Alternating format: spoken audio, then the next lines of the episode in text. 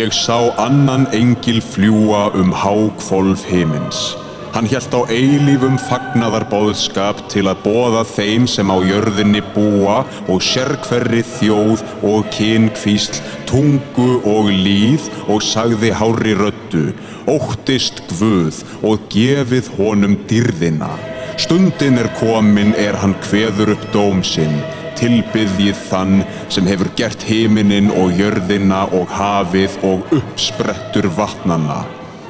Annar engill kom á eftir honum og sagði Fallin er, fallin er Babylon hinn mikla sem byrlað hefur öllum þjóðum af losta víni saurlífi síns.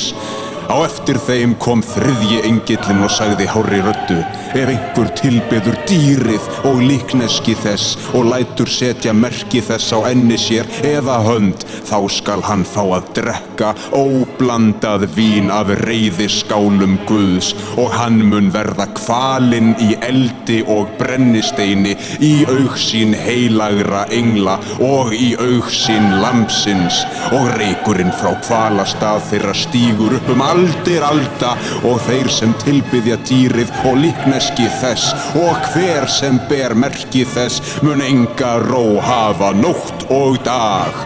Hér reynir á þólgæði hinna heilögu. Þeirra er hlýða Guði og trúa á Jésu.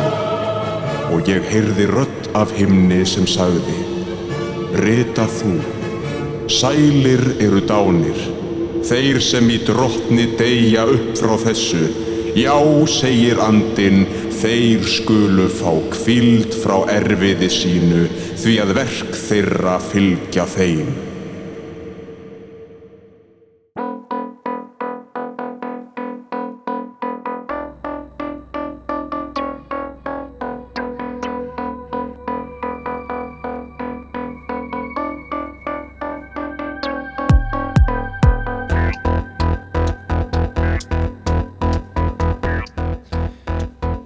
Verið velkomin í þátt númer 10 af hlaðvarpinu Heimsendir. Hingað er komin góðu gestur Hákon Örn Helgarsson. Vertu velkomin. Takk hjálpa fyrir Stefán, takk fyrir Hvernig er best að kynna þig? uh, Vá, góð spurning Ég er hérna Ég, ég er manneskja Ég er, ég er úr kópóinum uh, Það sem ég er að gera núna er uh, Ég er spunaleikari með Improv Ísland og uppistandari hjá uppistandsóknum Vafas og bara svona sviðslista maður Ég held það Sviðslista maður, Total. total Ég hef tilenga lífa mínu listinni Já. Það er hérna listin á mig ein. Um, það er svona eh, grunnurinn í þessu hjá okkur. Við erum komin saman í dag til að tala um, um svona svolítið opið þema en, en þó mjög tengt heimsendi.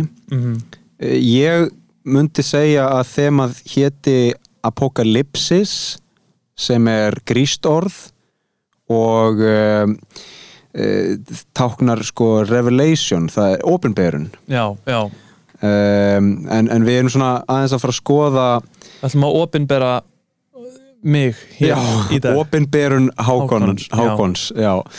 við hérna ætlum að skoða sko openberuna bókina mm, og um, sem er náttúrulega síðasta bók Nýja testamentsins um, síðasta bók biblíunar mm fólk veit það væntanlega þannig að uh, en við ætlum að hérna, skoða sem sagt biblíu heimsendin Já, já, ég vissi reyndar ekki að það væri síðasta bókin í biblíunni. Nei, ég, þú veist það núna. Ég veit það núna, já. Þannig ef einhverja hlusta sem að vissi það ekki heldur engar ágjur, við erum fleiri þann úti stöndu saman. Það er, það er mjög mikilvægt sko því að hérna það er einmitt, það er kannski fínt að við bara byrjum á því. Uh, ég var hérna með eina spurningu sem er sko á að kenna biblíuna í skólum? Já, mér finnst bara að ég að kenna sko kannski ekki, já, biblíuna ég á ekki bara að kenna svona öll helstu trúabröð að einhverjum grunni og mér finnst það alveg allt í lagi að fara aðeins dýbrenn í biblíuna. Við hefum náttúrulega ríka sögu og einhver veginn uh, byggða í kringum þessa bók það eiga mjög margir þessa bók þetta er mjög vinsæl bók. Og ég meina ég hef aldrei lesið hana en ég er með, með nýja testamenti mitt frá Gídeonfélaginu uh, upp í hillu heima sko. Já. Ég hef lesið biblíuna. Ég reyndar ekki klárað hana. Nei, Það kom til af því að ég var hérna út í Japan. Mhm. Uh, Ég hérna Ég, fó, ég skra, svona hálf skráði mig í um, sagt, uh, kirkju út í Japan. Hvernig hálfskráðum það sig? ég er svona, ég er svona já, ég er alveg til að vera með. Og, og hérna var svona semi með en var þetta ekki skráður Nei, meðlimur. ok, ok. Ég bara mætti stundum á messur af því að hérna ég hafði svo gaman að því að hitta útlendinga út í Japan. Um, ekki af því að Japanir eru ekki frábærir bara af því að þegar maður býr út í Japan uh, þetta er mín skoðun, þetta er mín upplifun þegar maður býr út í Japan þá er, þá, hérna, er oft gaman og gott að sko fá líka að upplifa svolítið svona menningu sem er aðeins nær þinni heimamenningu mhm, mhm. þannig að ég þurfti stundum að kúpla mig út úr japanskri menningu og tappa aðeins inn á svona Vestræn, eh, lútersk vestræn, lútersk eh, ertu, ertu trúaður? Nei, ekki núna sko Nei uh, og var það svo sem ekki þá Mm. eins og ég segi, ég bara hérna uh, mér fannst gaman, þetta var sérst amerísk kirkja, þetta var bandarísk kirkja Ok, uh, í Japan og ég fór í raun bara til að chilla með einhverjum ameríkunum eða bandaríkja já en hérna Var það eh, ekki gott bara? En þú veist, ég get índum mér að það verið bara þægilegt og svona kristni bandaríkjumenn eru mjög skemmtilegir get ég ímda mér Jó, sko, þetta var eiginlega sér flokkur. Þetta var svona, hérna, mjög sérstakur hópur, sko. Uh, þetta voru eiginlega bandarækjumenn sem höfðu kannski ekki einu svona búið í bandarækjunum. Þau eru Mm. kannski svona börn, uh, diplomata og Já, já, já einhvern veginn uh, kannski fætt og uppalinn í Japan og tala reybrennandi japansku en eru samt með sitt svona mikrosamfélag Mhm. í gegnum kirkjuna og, og ég segi Amerikanar því að það voru margir en, en það voru líka sko fólk frá Suður Afríku englendingar, Kanada þetta var hinn, hinn enskumælandi heimur eins og hann leggur sig og Ástralir mikið líka. Já, já. Og, og hérna mikið samfélag og ekki nóg með það þetta var sko rockkirkja. What? já Þú varst hálfskráður í rockkirkju í Japan. Okkur heitir þátturinn það ekki, okkur ekki bara tala um það í tvo tíma? Já, bara, það er bara hérna, við getum, við getum tekið sko góðan kapla um það. Það var hérna á hverju meinasta sunnudegi mm ég fór kannski svona sjösinnum uh, yfir árið sko. Já, já. En, en þetta var á hverju meinasta sunnudegi að þá mætir klukkan 12 Og þannig er þú, sorry, er þetta þegar þú ferði í skiptinám í ventskóla? já, Þannig þú ert þannig 17 átjan 17, 18, komið til Japan, mættur í rockkirkjuna. Sko búin að læra góða japansku uh -huh. en eins og ég segi, bara þú veist þú ert búin að, ert búin að vera um, að, að reyna að tala japansku bara sex daga vikunar það er bara alveg rosalega mikið sko svona mental capacity sem fer í það. Mm og svo kúplar þú út í einn dag til að mæta í sunnudagsmessuna og heyra ljúfa rock tóna Já, og bóðskapinn sko. Þetta var alveg nei, þetta var ótrúlega áhugavert sko. Um, mm mér mér finnst bara gott að skeita þessu svona saman sérstaklega fyrir þetta fólk sem að hefur ekki alist upp í bandaríkanum en er kannski bandaríkist Mhm. hann bara hérna færðu bara bandaríska menningu bara two for one á einum stað. Það er bara kirkjan og svo er það rockið. Já. þá þarf ekki að vera skiluru að fara á einn rockstað og annan trúarstað. Þetta er bara skeita þessu saman. Og Já. bara setja hambúrgara líka og bara allt þetta inn í kirkjuna. Ég þurfti nefnilega bara einn dag í viku sko. Veist, bara mánudagur til laugadags Japanese. Mm sunnudagar voru international Einmitt. as in bandarískir já, já. um, og þetta var ótrúlegt ég menna að þú veist, þú mætir klukkan 11 eða eitthvað þetta er sko þetta er svona kirkja sem er inn í litlu um, uh, leigurými mjög nálagt einhvern veginn rauðakverfinu sem er samt, eða, sko, ekki rauðakverfið í þeim skilningi, er svona bara partykverfið sko, Mhm. uh, downtown, downtown. Djammið. Sko og hérna þú lappar upp einhvern svona uh, stiga og ferð inn í svona frekar myrkt rými. Já, þar er, eru svona á borðum hérna soft drinks þú veist Kool-Aid. komin í Kool-Aidi, komin í Pepsi og hérna svo bara klukkan 12 eða eitthvað þá heyrir trommukjöðana bara gish, gish, gish, og svo bara byrjar eitthvað heavy rock'n'roll þú veist, og textin náttúrulega bara hérna, Jesus is King Já, já Shit Er þetta svona, er þessar kirkjur í bandaríkjunum líka mikið? Veistu það? ég held að, ég held að sko ég, eftir ég upplýði þetta Já. þá hérna fór ég mynd að skoða bara, er þetta bara genre, skilur Mm. og svarið er já þetta heitir, held ég, worship rock eða worship music. Já, og er bara svona uh, já, bara að, að syngja lofsöng um uh, Guð og almættið og almáttugan og hérna. Þetta er, þetta hljómar emla eins og bara svona algjör afbökun á einhverju menningarheim, þú veist, eins og að fólk eftir, að það kemur heimsendir og fólk verður svo reyna líka eftir einhvern menningarsiðum samfélagsin sem eitt sinn var. Já, já, sem já, myndi lesa um bandaríkin í bók og svo stopna hús sem er tilengað því. Einmitt, rockkirkja. Algjörlega. Já, og, ég meina, og maður spyr sér hvaðan kemur þetta? Af því að á einhverjum tímapunkti hljóta sko þessi tvö öfla hafa stangast svolítið á. Rockið annars vegar og einmitt. kirkjan hins vegar.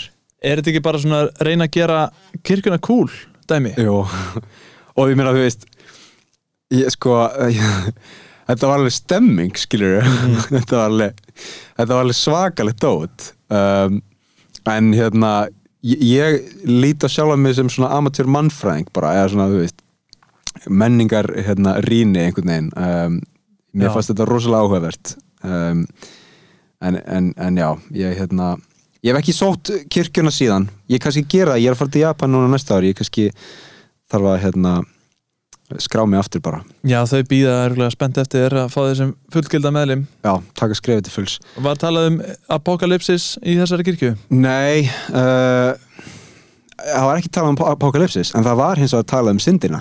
Ok, og refsingu. Auðvitað, auðvitað. Um, það var sko mikið talað fyrir því að um, að vera hérna að gifta sig áður en áður en þú gerir eitthvað annað sko. Já, já, um, það var mjög, mjög mikilvægt og, og ég man einu sinni voru tveir meðlumir kirkjunar að gifta sig sko.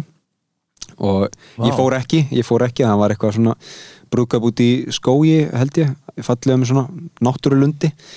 Um, en ég, ég man ég hugsaði sko já, já, ok, þau eru búin að býða og nú ætla þau að gifta sig og nú geta þau eignast börn. Og svo bara vitum menn, svo bara eignast þau börn og hérna þetta er svona, já. Ekki óþægileg tilhugsun að vera, þú veist að vita að einhver sé að fara að gera það í fyrsta skipti setna um daginn og þú ert með þeim? Já, fattar þú ert að horfa á eitthvað fólk gifta sig og þú ert bara að hugsa þau eru að fara að ríða í kvöld Já. í fyrsta skipti. Eftirvæntingin er gríðarlega Já. Það er svona, ég held að það sé svona stærsti gallin við þessa pælingu að allir brúðköpsgestinni eru bara með þessa mynd í hausnum af fullonum fólki að reyna að sofa saman í fyrsta skipti. Já, það er ekki bara það, það er líka sko það er líka sko brúðköpi hlýtur að vera búið bara klukkan hálf nýju Já, eða veistland þar að segja. Ég veit fólk bara, herðu, já, þetta er komið gott við ætlum að fara að drífa okkur bara saman hérna, bílinn býður og við erum búin að fá okkur herbergi og það er hérna komin svona rósir á, á rúmið og Það er komið þessu, þið vitið hvað, þið vitið af hverju við þurfum að fara. Já. Þeir eru öll búin að vera að fylgjast með okkur hérna í kvöld og við erum bara svo spennt. Já, veit Shit, já, Vistland þurft að vera bara eitthvað mörgum dögum setna, sko, eða þú veist eða þú vilt bara klára að fá vottunina já, svo myndir bara fara og vilja gera svo væri þetta haldið upp á það þegar þú ert búin að það, já, það væri líklega miklu meira partí sko. Já, Nei, þetta var ótrúlegt og hérna það var svona í fyrsta sinn sem ég kynntist þessari pælingu með sko saur, saurlifnað eða sko að vera sko já. hérna, þér skuluð ekki syndga um, þau voru rosa mikið að tala um það sko. Ok, um, þannig, og, og ég komandi úr sko frá Íslandi inn í þetta japanska samfélag inn í þetta svona enskumælandi vestrana samfélag undir japansku reglífinni það var svolítið steikt sko. Mm að því að komandi frá Íslandi á veginn er maður með svo mikið svona uh, einstaklingshyggju. Já, að einhver leiti, þú veist, maður samanborið við til dæmis mína upplifun af Japan að það, það var miklu meiri svona eh, styrkurljósi fjöldans eh, þú veist, þar. En, en, en hjá okkur var það bara við getum gert hvað sem er. Hér eru allir einstakir og bara, þú veist, sky's the limit. Einmitt. En svo kemur inn í þetta og, og, og, og þau eru allt í hennu að tala um sko, þú mátt ekki gera þetta, þú mátt ekki gera hitt. Erum við að tala um innan kirkjunar eða bara innan japanska samfélagsins? bæði sko. Já, sérstaklega japanska samfélagsins eða bara japanskrar menningar. En Mhm. síðan ferðu inn í hérna uh, kirkjuna og, og það er svona eiginlega kannski ennþá meira en svona öðruvísi sko. Já, já, um, ég þyrti eiginlega að gera heimildamind um þetta sko. Já. Ég þyrti eiginlega að fara bara undercover og, og hérna já, Ég held það sko, þetta er rugglað dæmi. Já.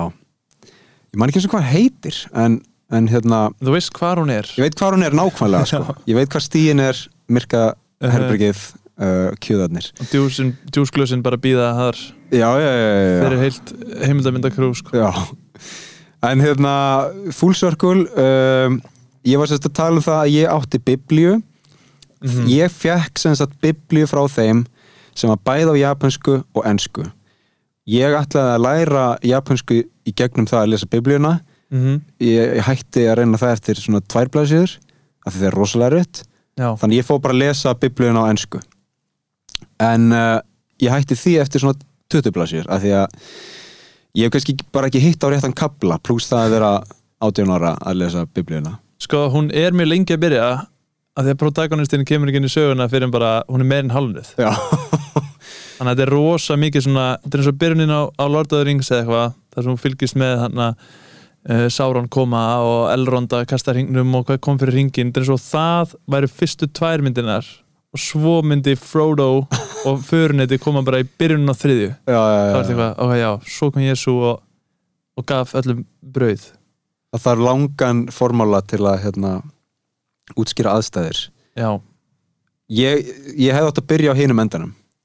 Já byrja á endanum og á opinberun á bókinni Ég sem held síðasti það, kafli. sko. já, af því að hún, ég hef búin að vera að glugga inn í hann í dag. Uh hún er rosaleg sko. ok, þetta er góð biblíur að Já, ég held það. En hvað hérna, ef við tökum aðeins bara hérna fyrst svona um þig um, ertu mm. áhuga maður um annars vegar heimsendi og hins vegar biblíuna? Sko Já, ég, ég, ég er ekki mikill áhuga maður um biblíuna ég er svona rosa virkur í kirkjustarfi sem bara Mm. uh, ég, ég, fór ekki alveg inn í sunnundaskólan en í minni, í sinni tíð svona upp úr, upp úr því að ég var svona 11-12 ára þá var ég sko, þá var ég í vatnaskói öll sumur uh, á, á, á vetuna var ég prógrami sem heit kirkjuvinir. Mm -hmm. þar sem við sem höfðum verið í vatnaskói yfir sumari vorum að hittast yfir veturinn og bara chilla.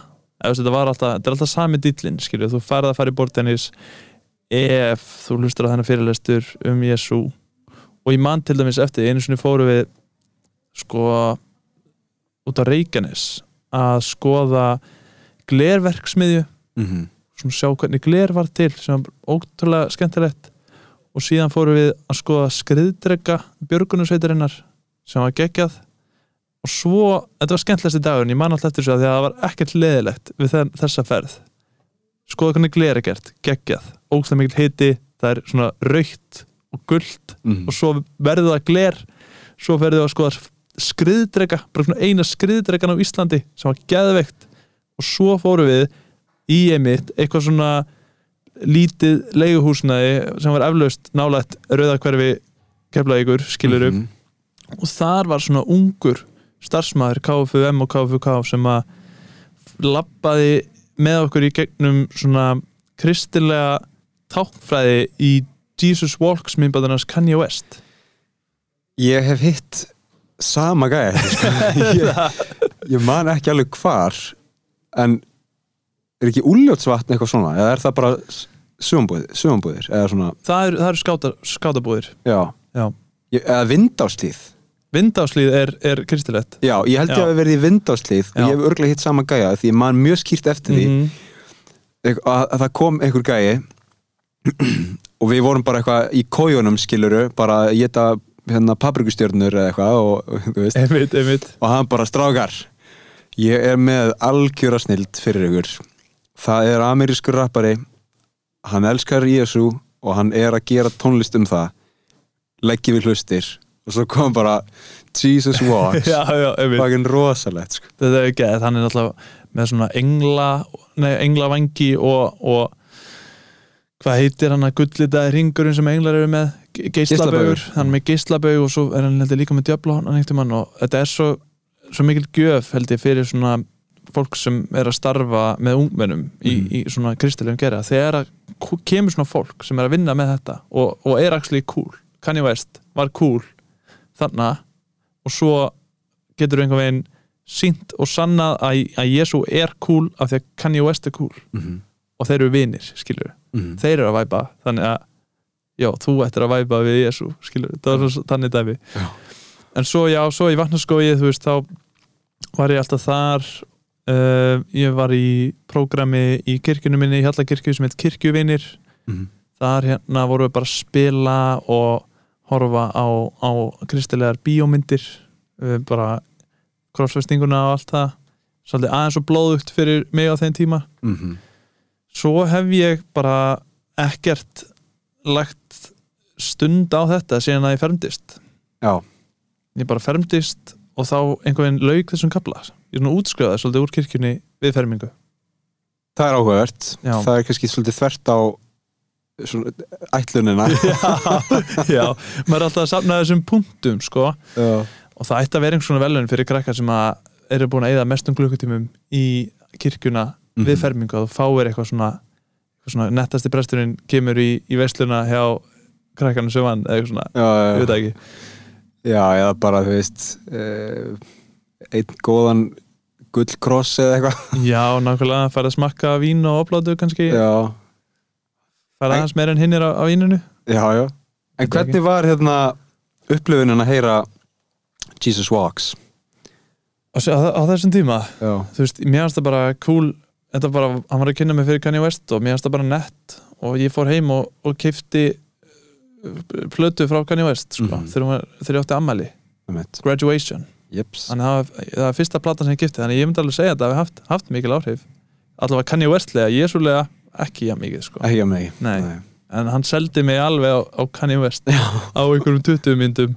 En á svona 20 klukkutímum sem að fóru í kristilega starfið þá náði ég ekki alveg náði ég ekki alveg að að kaupin í það sko? Ég náði ekki að leggja saman 2 og 2 sko. Ég, ég hugsaði mitt bara frábær tónlist. Einmitt, Djöðlar nett. Ég ætla að hérna Ég ætla uh, Ég ætla að fara heim og, og gera stýtið saman hlusta. Ég, ég byrjaði að hlusta einmitt þarna og var rosalega mikill hlustandi ötull uh, áhuga maður um Kanye West Mhm. uh, og það fylgir mér einmitt til sko Japan, ég man þá var ég að vinna með Stronger mikið. Já, já hann alltaf er ekki vídeo og það er tekið upp einhverstaðar í, í Japan? Sko, jú, ég held það, ég held að það sé japanskur artisti sem uh, er að gera grafíkina og svona sko, já, hann gerði hann að bangsa, hann gerði graduation coverið og ég held það já. svona, það ekki? Murakami, já, einmitt, ég bara, þú veist en þa þar var fólk ekki mikið meðvitað um Kanye West sko.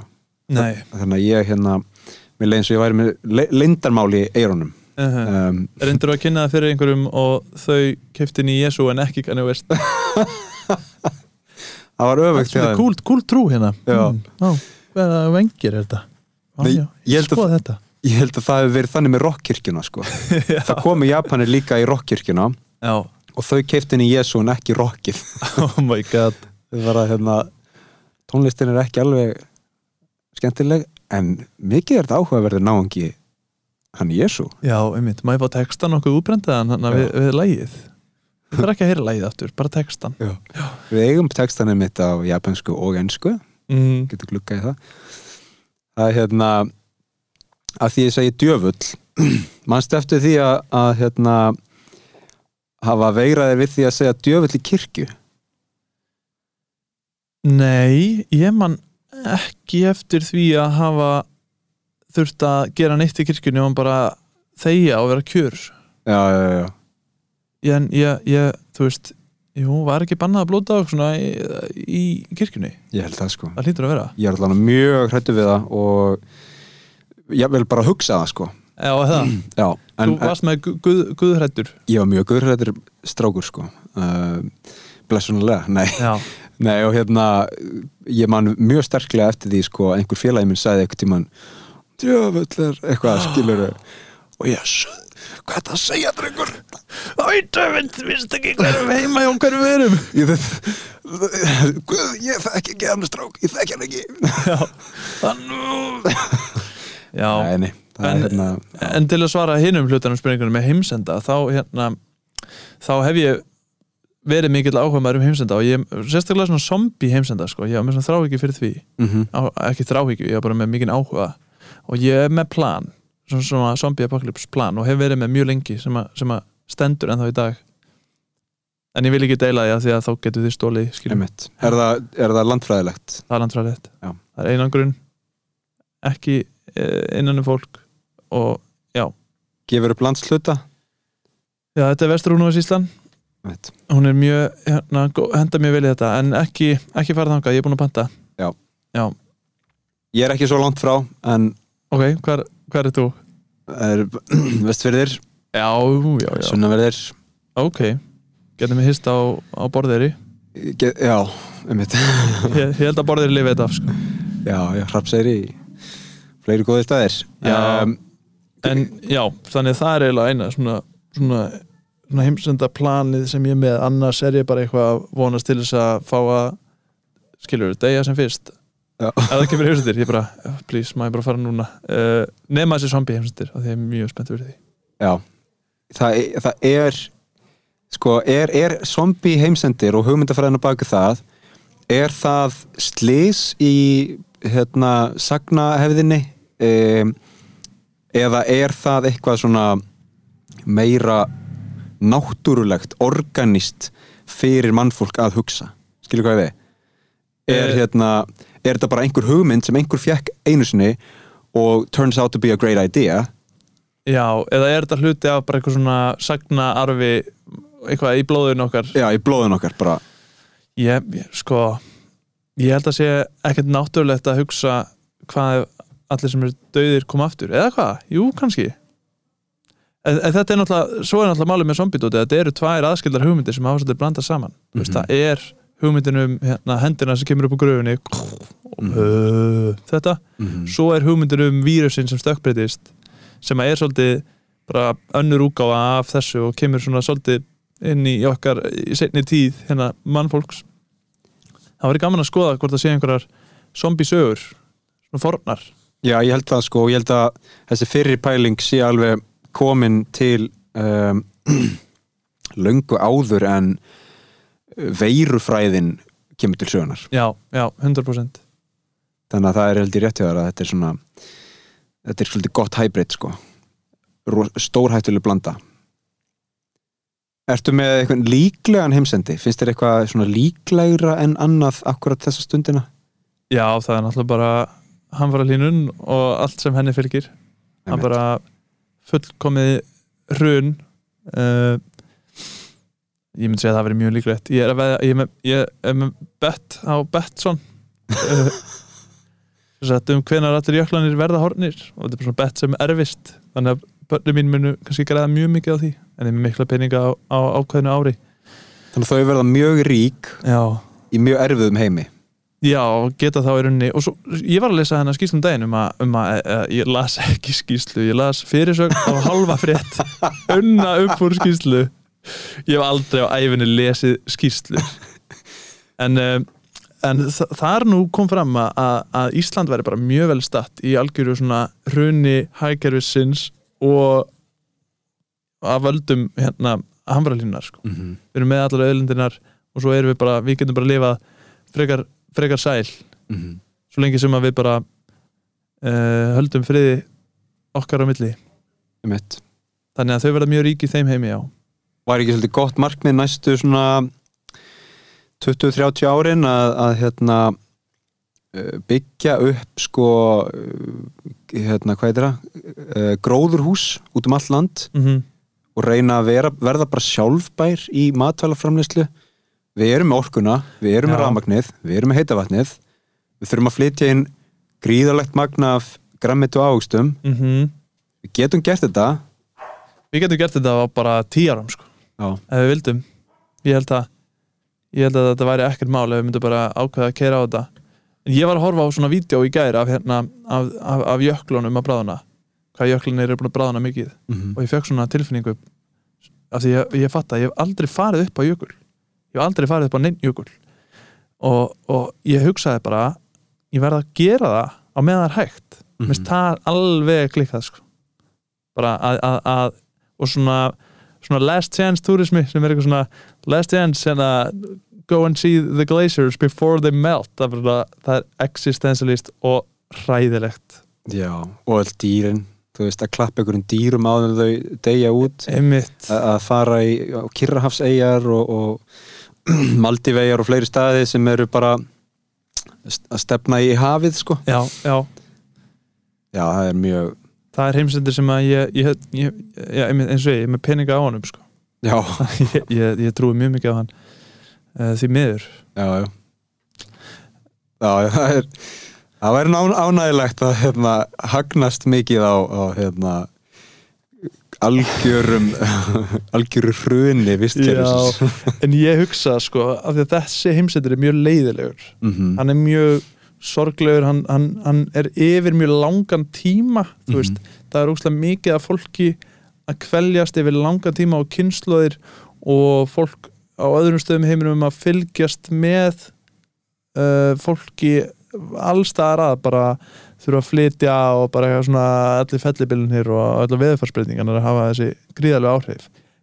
Væri ekki bara betra að klára þetta með einhverjum skemmtilegum heimsendi áður en að það kemur til þessa?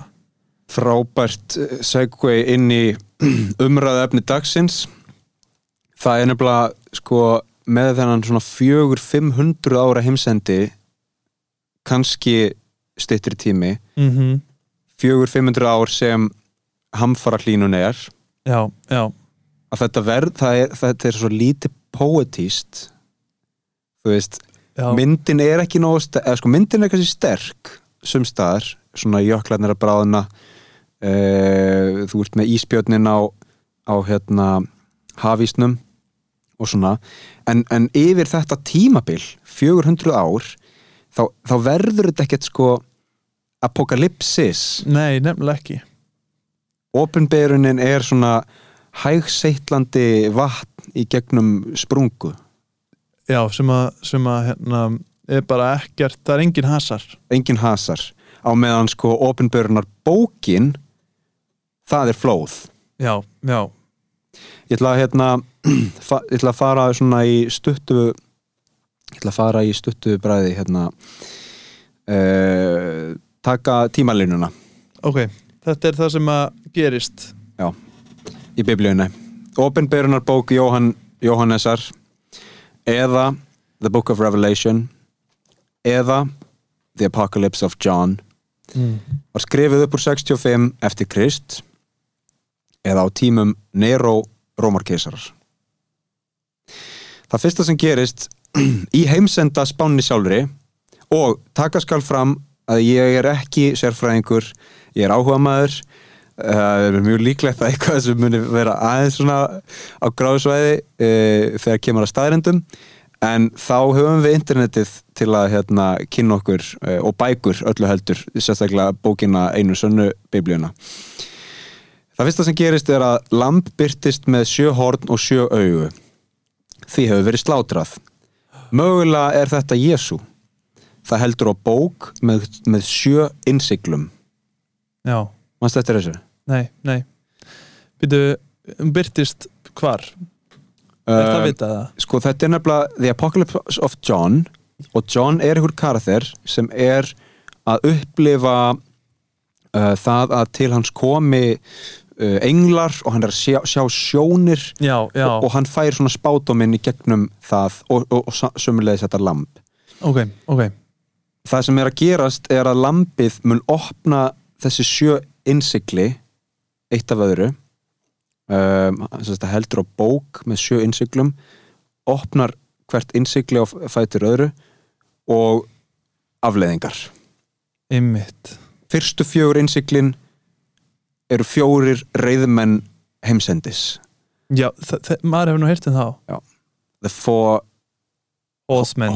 of The Apocalypse. Já Ó, ég sko, ég veit ekki alveg hvað, hvað meira skeri að þú væri að labba og myndi sjá lambið með sjöhár og, og bók eða hvort þú myndi sjá þessa fjóra hestamenn. Ég hættur um að þetta lamb sé bara búið að fæðast og það hafi bara verið drepið skilur mm -hmm. svona í söðburði einhvern tímann eitthvað já, einhver bóndi einhver stær á, á vestfjörðum bara já, já, þetta er eitthvað galla hvað, veitu hvað bók er þetta? Svo bara hent bókinni eða eitthvað. Einmitt og það sem er rosalegt er sko að sjá himnana opnast og niður frá himnum koma fjórir reyðmenn já, fyrsti á hvítum hesti. Þeir, þeir tákna drepsótt, ég held að það sé rétt. Drepsótt, stríð sult og dauða. Já, Fymta innsiglið gerir ekki mikið. Það er líka áhugavert með þessa gömlu bók sko, biblíuna sumt er rosalega skýrt Já. svo koma svona kaplarinn á milli sem eru bara svona það gerðist nú ekki mjög mikið hérna en vindum okkur yfir í kapla 6 já, já, já, akkurat, akkurat. Byttuð, drepsótt, stríð, sult og dauða. Mm -hmm. Man gett leðilegt að fengið þú veist, dauða þegar það er einhvern inn í öllu hinnu já, já, já. Og líka þegar það einhvern veginn virðist ekki vera markmiðið. Þessi heimsendir uh, biblíunar mm -hmm. Er miklu meiri sko refsing heldur en dauði. Af því að ef það væri einn loftsteinn uh, 20 km í þvermál eða eitthvað, búm, allir dauðir. Bara smá veistla í því. Þægilegt, Sjónaspil svona spil poetíst, mm -hmm. þetta er þetta eru pyntingar sko. Oh, Sjötta innsiglið hrindir af stað jarðskjálta og eldgósum svo að himinin verði svartur af ösku. Loks hrapa stjörnurnar frá himnum. Þá er líklega átt við loftsteina. Á, Uh, sjöunda innsiglið enn og aftur tilkomin lítið 30 myndna þögn á himnum. það er ekki mikið meira en það. Já, það er bara þau bara er að fá sér sopa á 30 minna þögn fyrir hérna fyrir að fólkið á jörðir niðri Já. Já, bara með samansöku bit Og fólki á jörðu er búið að upplegað sjö innsigli. Já, hugsar Hvað nú? Hvað nú? Guð, hvað kemur næst?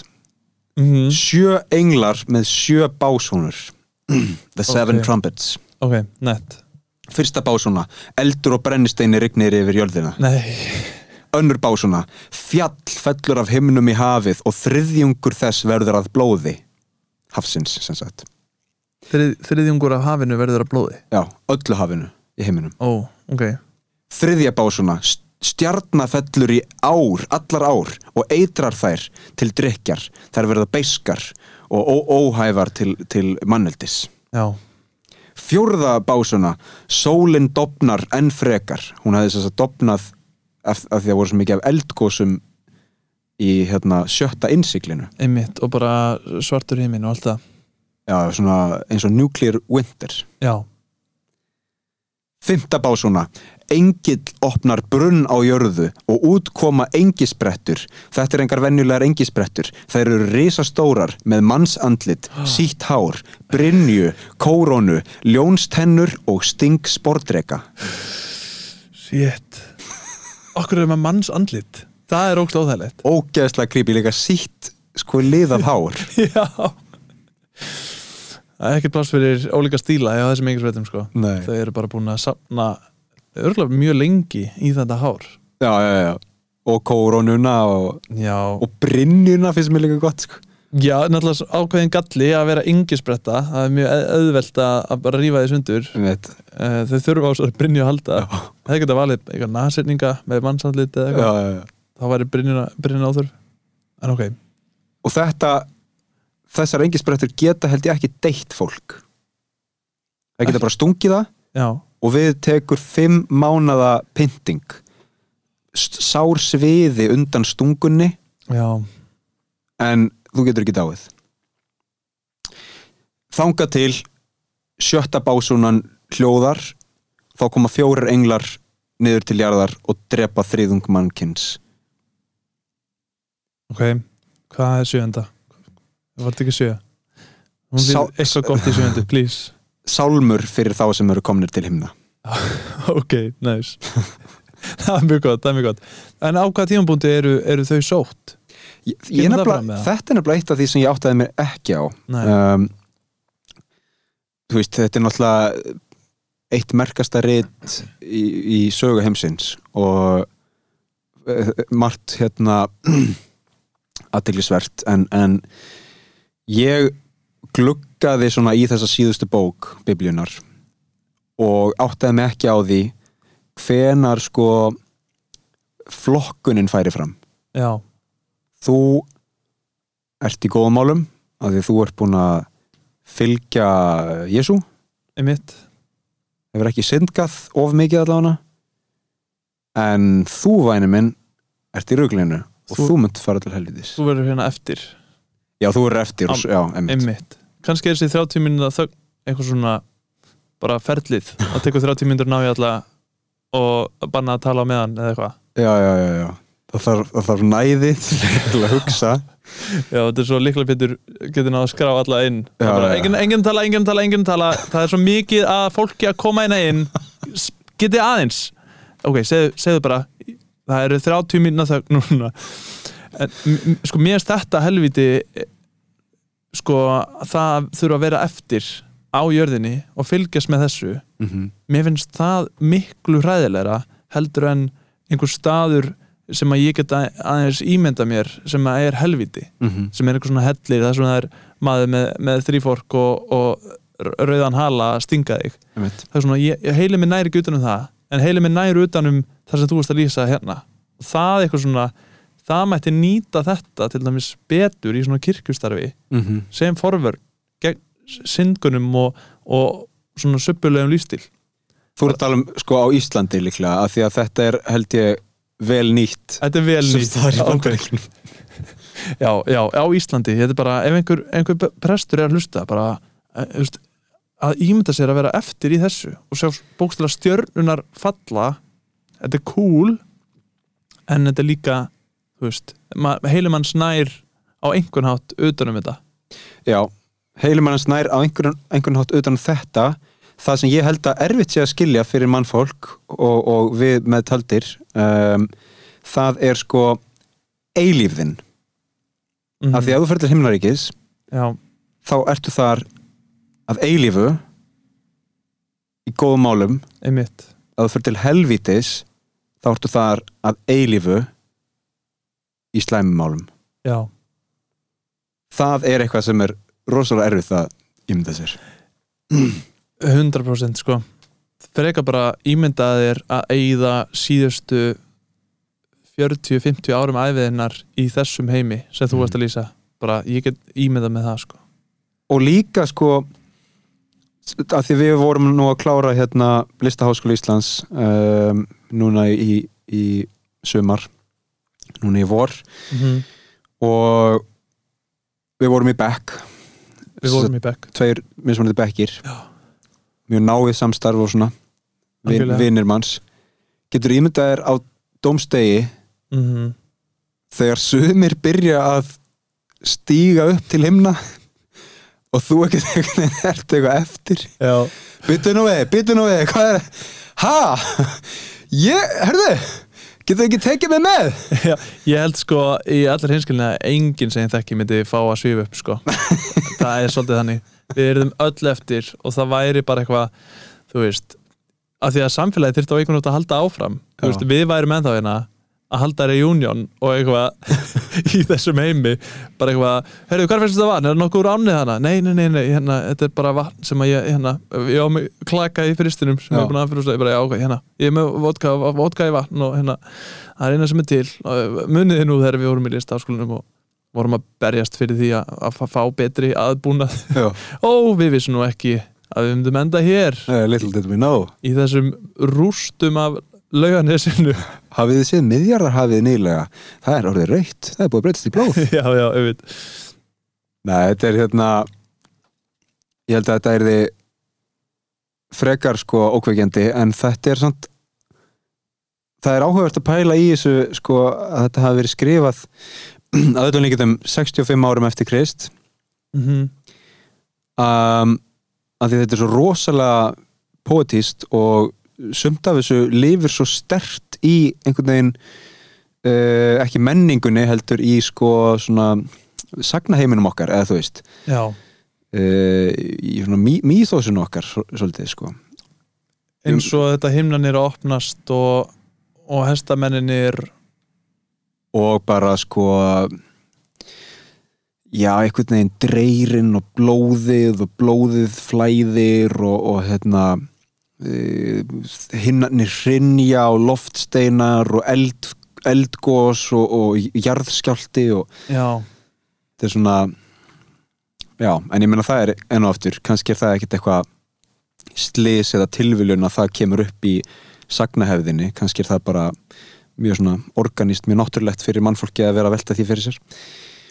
Um, mér finnst áhugavert að í þessu að þetta er vantilega að skrifa þarna einhvers staðar á þessu svæði þarna í kringum Bethlehem og, og hérna, sögursvið biblíunar já, það er ekkert minnst á eitthvað svona óulett frost. Nei, þau hafa ekki upplifað það kannski. En uh, það í þessu myndi vera fullkomið að blanda inn svona eilíðri snjókomu skilur mig, bara eitthvað svona hérna bara já það er bara, bara svona day after tomorrow dæmi, bara og frostið einhver veginn eldir þig og, og fólk frýs í spórum sínum og, og útlimir þetta af eða eitthvað svona. Mm -hmm. það væri fullkomið inn í hennan heim. Já, ég meina það er mjög góð pæling hérna með land, land, landafræðina sko, kringum þetta. Þetta er allt að öllum lengjum uh, fólk á þessum slóðum sem skrifaði bókina. Já, já, og þau kannski hafa ekki ferðast hafðu ekki ferðast á norðurslóðir. Já, nei eða, eða, eða sunnar, sunnarbóin en þau hafðu samt hugmynd um sko þetta nuclear win- winter eða sko mm -hmm. ekki nuclear náttúrulega en, en svona volcanic winter eh, sem sagt vetur orsakaður af eldgósum já, já, af því að það eru til dæmi um það í sögunni og fólk hefur skrifað um það og þannig að ég held að á þessum tíma þá hafið þau svona haft ykkur hugmyndum að það væri möguleiki. Já, það búið- búið frétta af því einhver veginn. Já. Höldum áfram. Þriðja skref heimsendis Biblical. Það eru dýrin, the beasts. The Beasts, ok, vá, spennandi. Fyrsta dýrið er risastór, risastór rauður dreki með sjö höfuð og tíu horn. Þetta kuð vera Satan. Þessu dýri er kastað frá himnum af Mikael Erkengli. Býtu, vó, hvað var Satan að gera á himnum? Hann er hérna gamall lengill Já, þannig að hann er ekki rekin af himnum fyrir en þarna. Já, ég held það. Já, Ég held að þetta sé the moment. Ok, Cast from the heavens. Vá, skemmtilegt. Og þú veist Pældu í því hvað þetta er samt nett smá sko. Mhm. Mikael Erki Engill með einhverjar hersveitir engla gegn fucking, fucking Satan sem er einhver risastóð rauður sjöhöfða dreki Þetta er rosalegt. Þetta Já. er svo stór mynd. Þetta er geðveikt, sko. Og hvernig, hvernig ætla þeir, þeir berjist? ha, Þeir tveir, Já, sína milli? Ég veit ekki. Þetta er bara, þetta er bara gamla góða hérna uh, Srekka móti dreganum þar, sko. Srekka móti dreganum þar. Srekka og Asni Gandalf á móti Balrog. Já. Bilbo á móti smaug. Smeginum. Já, þetta er alveg búið að, búið að duplikerast í, í, hérna, í sögunni oft. Það sem ég finnst eitthvað áhört að bæli og ég veit ekki, kann, ég er bara eitthvað svona að ég veit að þetta er allt eitthvað svona þú veist, talan 7 kemur endalust fyrir. Þetta, mm Mhm. því að þetta er guðlega talan og svona. En hvernig er það með 10 horn og 7 hausum? Mm Já, ég held að hérna eru hornin kannski ekki á hausunum? Ég held að sko uh, nokkrir hausar hafi verið með tvö horn já, og hinn er eitt. Ok, ok. Þannig að þú er með stærri hausa og minni hausa. Já, já, já. Annað dýrið kemur upp úr sjónum það er með líkama pardusar bjarnarfætur og ljónsmunn. Líka sjöfuð á, afsakið, líka sjö höfuð mm. með tíu hornum. Já, einmitt Þetta dýr kemur til jarðar og fremur mikið guðlast talar sko uh, fer að það lasta blóta. Já, las, Hérna, blóta og líklega sko byrja að, að lasta guð og, og hérna slepp einhvern svona dónakall úr hafinu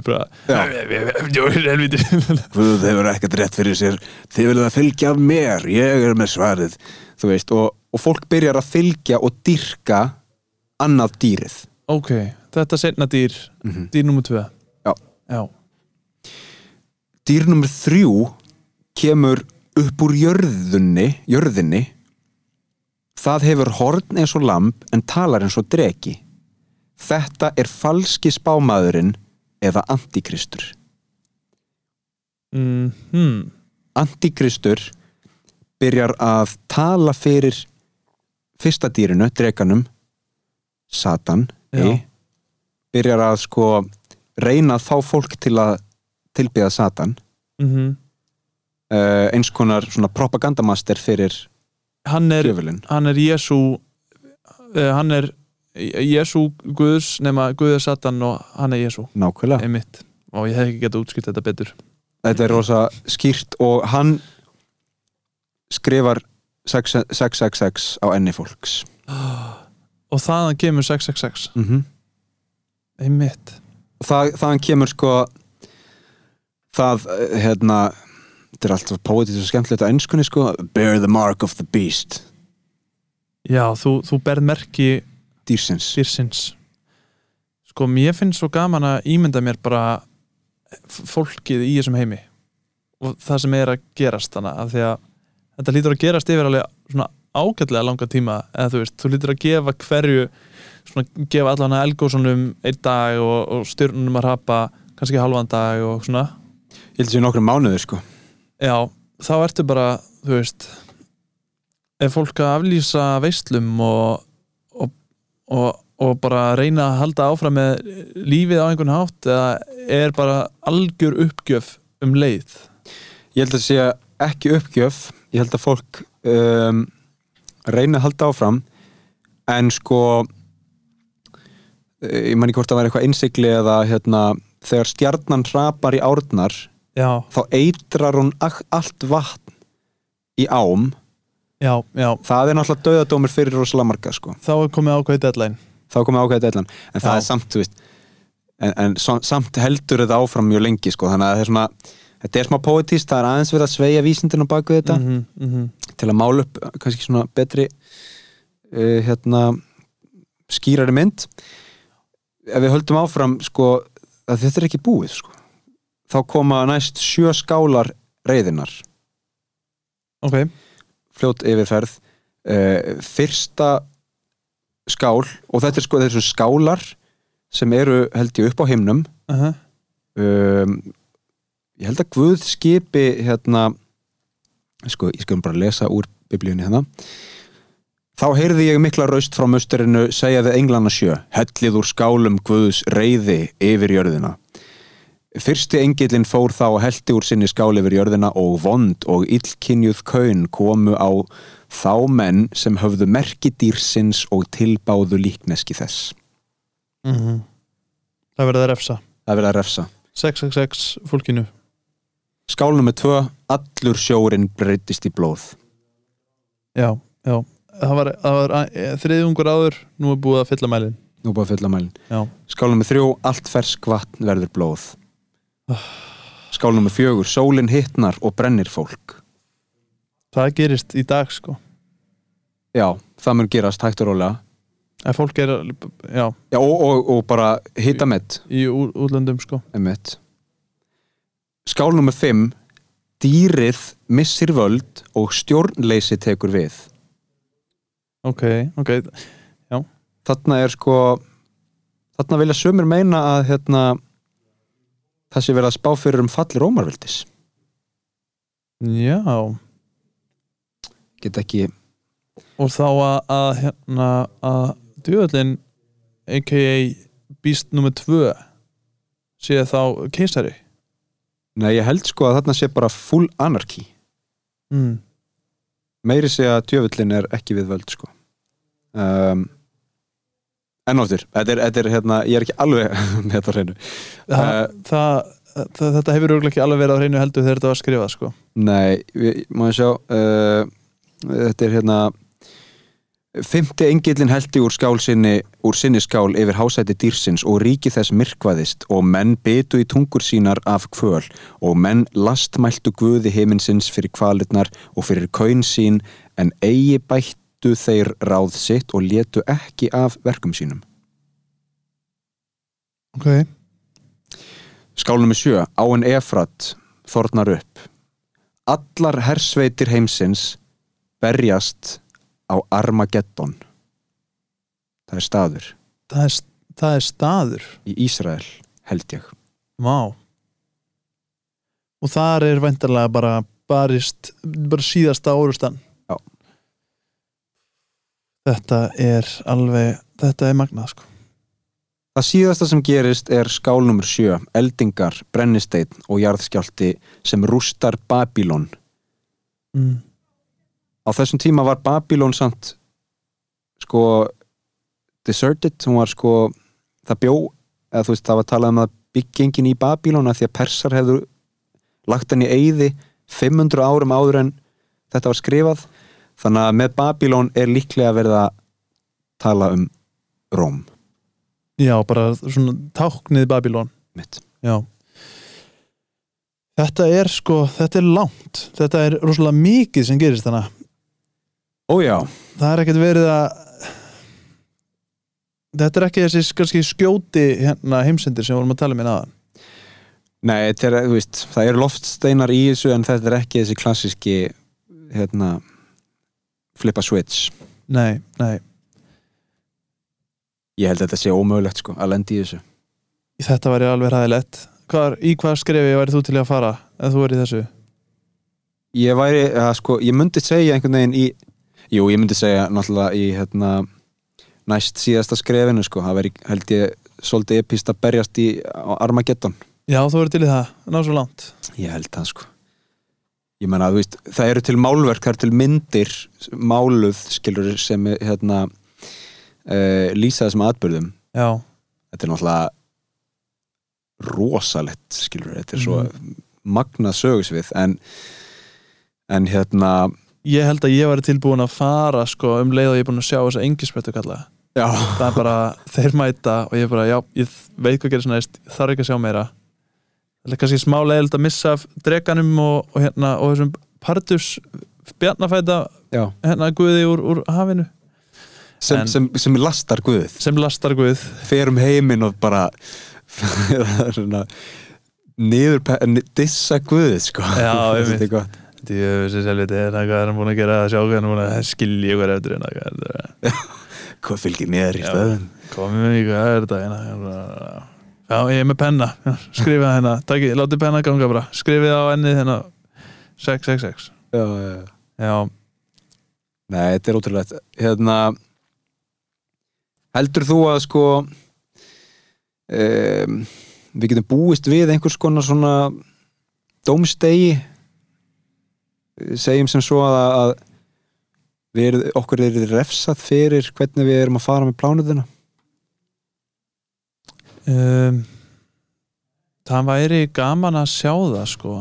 Ég, ég var að muna eftir því núna. Ég, hérna, ég var með svona ég var mjög kvíðinn fyrir heimsenda þegar ég var barn. Mm -hmm. sérstaklega nattræni línun ég er með svona minningu að ég sitja beint fyrir fram á sjónvarpið og Bói Ágússon er að útskýra fyrir mér hvað nattræn línun er fyrsta skipti. Og ég er einn og ég er ógustlega hættu við það. Uh, og bara, þú veist, ég kefti serið fjögur af Futurama á hérna DFD og, og þá er svona aftan á stendur hvað allir þættinir heita og um hvað hver þáttur er. Það var einn þáttur sem að ég man bara heiti Crimes of the Hot sem að er um global warming.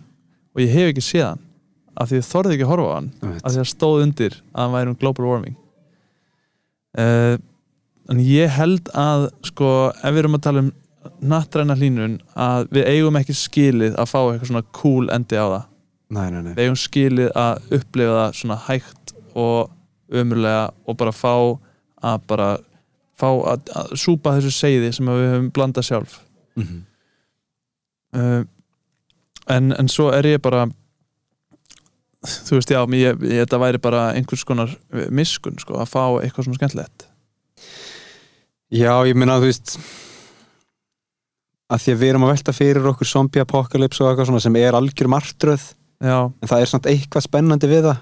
Mhm. Á sama hátt er er þetta að einhverju liti spennandi að hugsa um þetta sko. Þetta er náttúrulega í, í sko raunveruleikunum væri alveg ómögulegt en þetta er bara svo nett. Já, þetta er já. svo mikil hellun. Þetta er það. Það er verið að spila rocktónlist undir þessu öllu saman. Mm -hmm. það er bara það er, það er, það er eitthvað partí í gangi þarna sko. Ég bara já, ég, ég held að sko að að því nú hef ég ekki lesið alla biblíuna uh, ég bara, bara nokkur velvalin hérna hvað, hvað heitir það, heitir ekki kaplið það heitir hérna vers. Vers, nokkur velvalin vers. Lærið eitt utan að þeirri fermdist og svona. Uh, er, er ekki eitthvað af þessu svona reffar svona í, í önnur vers eins og þú veist þessar sjö skálar? Mm -hmm. en við pælum bara í svona, svona story structure og sögu uppbyggingu. Þessar skálar hafa örugglega komið við sögu einhverstar fyrir biblíunni bara eitthvað og Guð held í sjö skálar. Já. kemur í ljós svona, svona check á sköndæmi sko, hvað ætlar hann að gera við þessar skálar? Það veit enginn. Einmitt. Og hann þarna sem að, sem að flengir þarna satani fram. Mm -hmm. hvað heitir hann aftur? Mikael. Mikael Erkiengill þú veist, það var í, það er auðvitað einhver kaplið að það sem að hann, það sem að er komið ljós að hann er með einhverja dýflissu. Það sem hann er að geima eitthvað, engin veit hvað það er. Já, já, já. Svo kemur í endan bara, já, herri, þetta er hérna þetta er erki, erki Ingelli Mikael að opna dýflissuna loksins Ég er enda með eina pælingu, það er sem sagt ef að við myndum uh, gera svona þáttaserju um, tíu þáttaserju mm -hmm. um þetta, getur ímyndað þér það? þið þurfti að vera sjö, eða ekki? sjö þættir Jú, sjö Jú. þættir sjö þættir sjö þáttaserju um hérna heimsendi biblíunar ofnberna bók Jóhannesar já, við þurfum bara að ringa í Balta núna sko Já. bara að fá hann bara á þetta ég held að hann væri fullkomin maður í þetta Það besta við það er sko að handritið er eiginlega reddi frumheimildin er til. Já, já, já, lókulega það bannaði að segja um handrætti styrki sko. Já, það, er bara komið. Um en hérna um, ef við, ef við hérna má ég sjá, má ég sjá, má ég sjá. Uh, sko já, við erum búin að tala um sko heimsendin mm -hmm. eins og hann leggur sig. Það er eftirmáli og hann er, hann er líka svolítið krasandi ok, það sem sagt síðasta sem gerðist var að held var úr skál nummer sjö af reyði Guðs. Eldingar brennisteinn jarðskjálti sem rústar Babylon einmitt. Það sem gerist í kjölfarið er að það á að byggja nýju Jérúsalem ok, og til þess þá þurfa hersveitir himnanna að stíga niður til jarðar drepa dýrin og kasta þeim til helvítis sömuleiðis að kasta satani dýri nummer eitt, dreganum rauða niður til helvítis mm þar sem hann er læstur e, í þúsund ár. Já. Fangelsaður. Þannig að það er það mér finnst það sé eitthvað svona konsept um tíma í þessu. Þúsund ár. Já. en ekki bara að eilífu. Sko nú veit ég ekki hvenar þetta gerist en ef þetta er skrifað 65 eftir Krist mm -hmm. erum við þá að tala um 10.000, nei hérna 1067 8 sem að Satan losnar eftir heimsendi já, eða, sko, já, þetta er ekki sér nei, þetta er ekki sér steikt hérna pælinga því að maður veit ekki hvenar þau sem skrifuðu þetta þeir líklega um, ímynduðu sér að heimsendir yrði. Já, En ef við gerum ráð fyrir að, þau, að, að þeir hafi verið að reffa í sko falli Rómarveldis hvað er það, 500 og eitthvað? Uh, Fall of the Roman Empire. Eitthvað svo leiðis þá hérna getum við ímyndað okkur það pluss þúsund ár. Mm -hmm. uh, það hérna byrjar allan í kringum 400 eftir Krist og mér minnir að það hafi verið algjörlega búið ja, 500 eða eitthvað. Ok, en, en segjum sérna bara 400 og þá er að tala um 1400 er það ekki svona hápuntur renaissance, endur ristnarinnar jú, jú algjörlega, það passar. Er þá uh, Satan að stíga upp frá helvíti? Já, kemur það fram þannig að hvað hann gerir eftir þessi þúsund ár? Heldur betur. Ok, það sem sagt er þúsund ára hérna friður. Á jörðu í, í nýju Jérúsalem já, þar sem að e, fólki sem að fekk að vera upp á himnum á meðan að hérna, þetta reyði allt saman yfir kemur það þá aftur niður nei, það er ennþá í him- himnum já, það sem eh, þeir sem búa í nýju Jérúsalem eru hersvitir himnana ef ég skildi rétt. Ok, nema hvað eftir þúsund ár þá náttúrulega losnar Satan úr prísundinni mm og hérna uh, kemur aftur upp um, og já, ég glemt að segja sérst, að Jésu kemur sérst, ekki, ok, þetta er svolítið flóki þegar það er nýbúið að fangelsa Satan þá kemur Jésu niður og tekur öll völd á jörðinni. Nema hvað þúsund ánum setna þá fær Satan lausn og kemur aftur upp.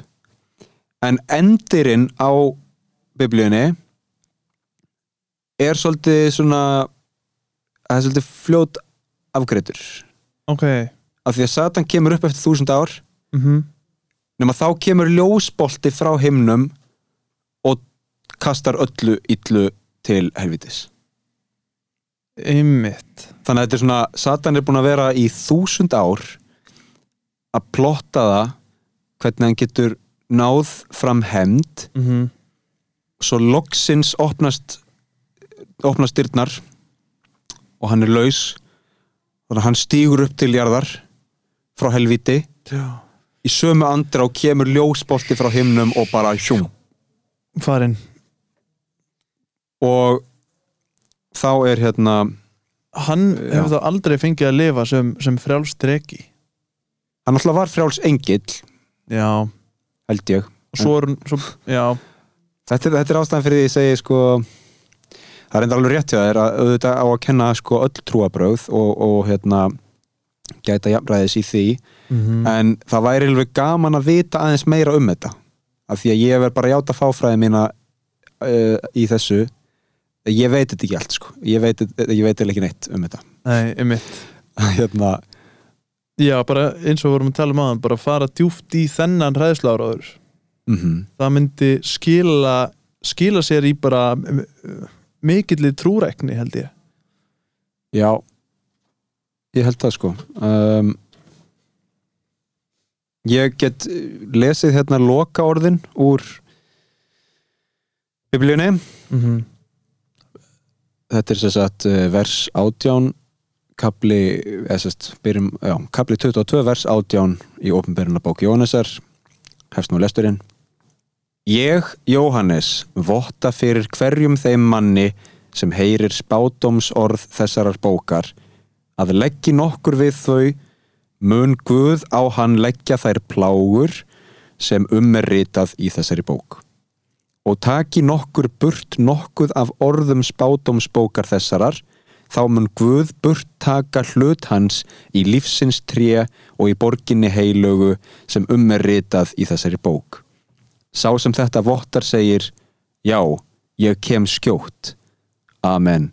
Kom þú, drottin Jésús. Náðin drottins Jésú sé með öllum.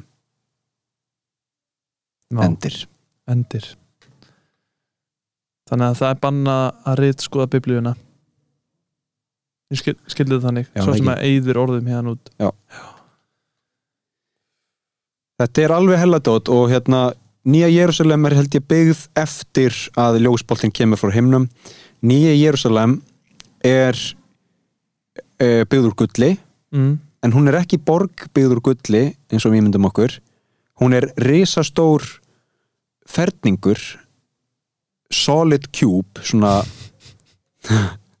ok, úr gulli sem er sko 2,2 kilometrar sinnum 2,2 kilometrar sinnum 2,2 kilometrar já, já.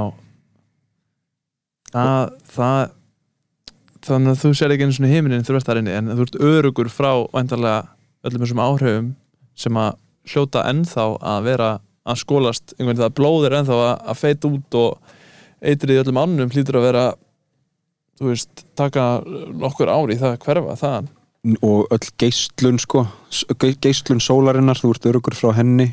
Já, Um, og, og gufur elgósins ösku eitrun, eitrunin en af hverju myndir vilja fara aftur eða skilju, það dó allir það var bara næs upp á himnum mm til hvers að byggja nýja Jérúsalem bara eitthvað af því að jörðin er best Já, Og- er ekki. Þetta er svona, er þetta ekki hérna þú ert með himnaríki, mm þú ert með helviti og svo ertu með víg, vígvöllin inn á milli. Jörðin Já, er einhvers já. konar vígvöllur þar sem gott mætir illu. -hmm. Ég meina, það, er það ekki bara kjarnin í þessu öllu saman? Við einhvern veginn búum á þessum vígvölli um, við eigum að vera sko, samkvæmt þessu, við eigum að vera gu guðrættir einstaklingar. Já, við eigum að forðast freystinguna og, og hérna lifa lífi okkar í samræmi við orð drottins. Um, Satan, djöfullin vill gera okkur óhrætt við Guð skilur mm djöfullin vill hérna segja sko hafið engar áhyggjur af dómsteginum þið þurfu ekkert að forðast freystinguna það er bara gaman að lifa í freystingunni sko komið Mhm. til mín og það verður eilíf veistla þetta er eins og talaður munni prests í Rokkirkju í Tókjó sko.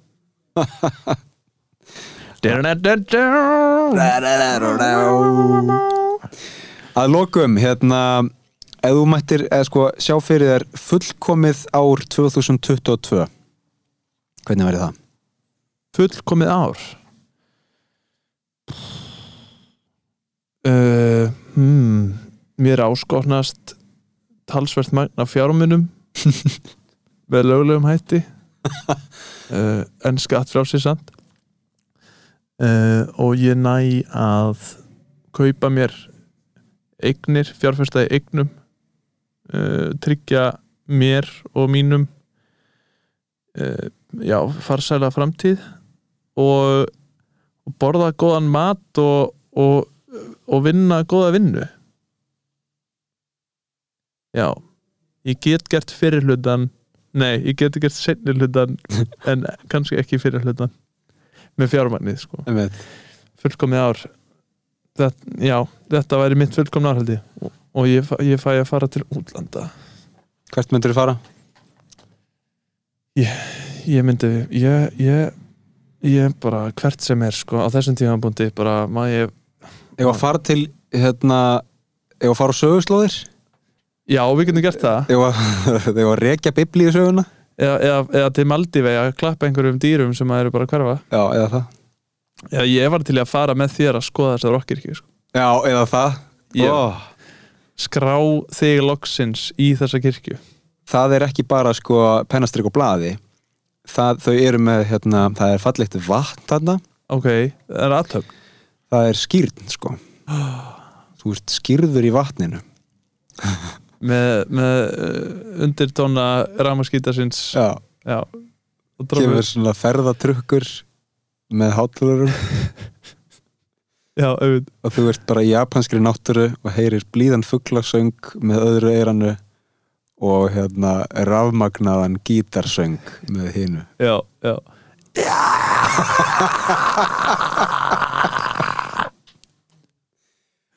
Nei, ég held að vera frábært Eitthvað að lokum, eitthvað, eitthvað, eitthvað skilabóð sem vilt koma framfæri?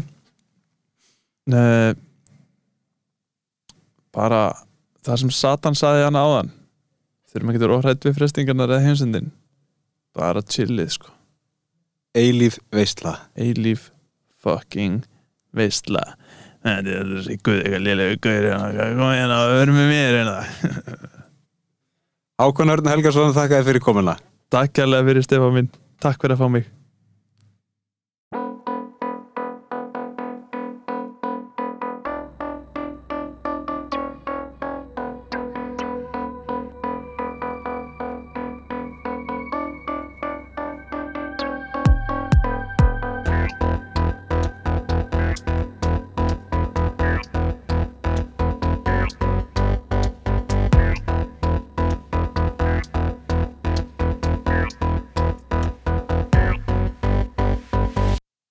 Kæru hlustendur, tilkynning.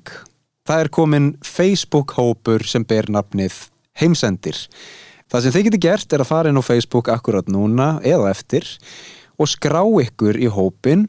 Þar getið þið varpað fram pælingum, spurningum, hugmyndum að umræðuefnum eða viðmælendum eða bara hverju sem er. Deilt efni, eitthvað tengt heimsendi. Eh, Þetta er svona lítið samfélag í vinslu og e, þið eru hjartalega velkomin þangað þannig að sjáumst þar og heyrumst í næsta þætti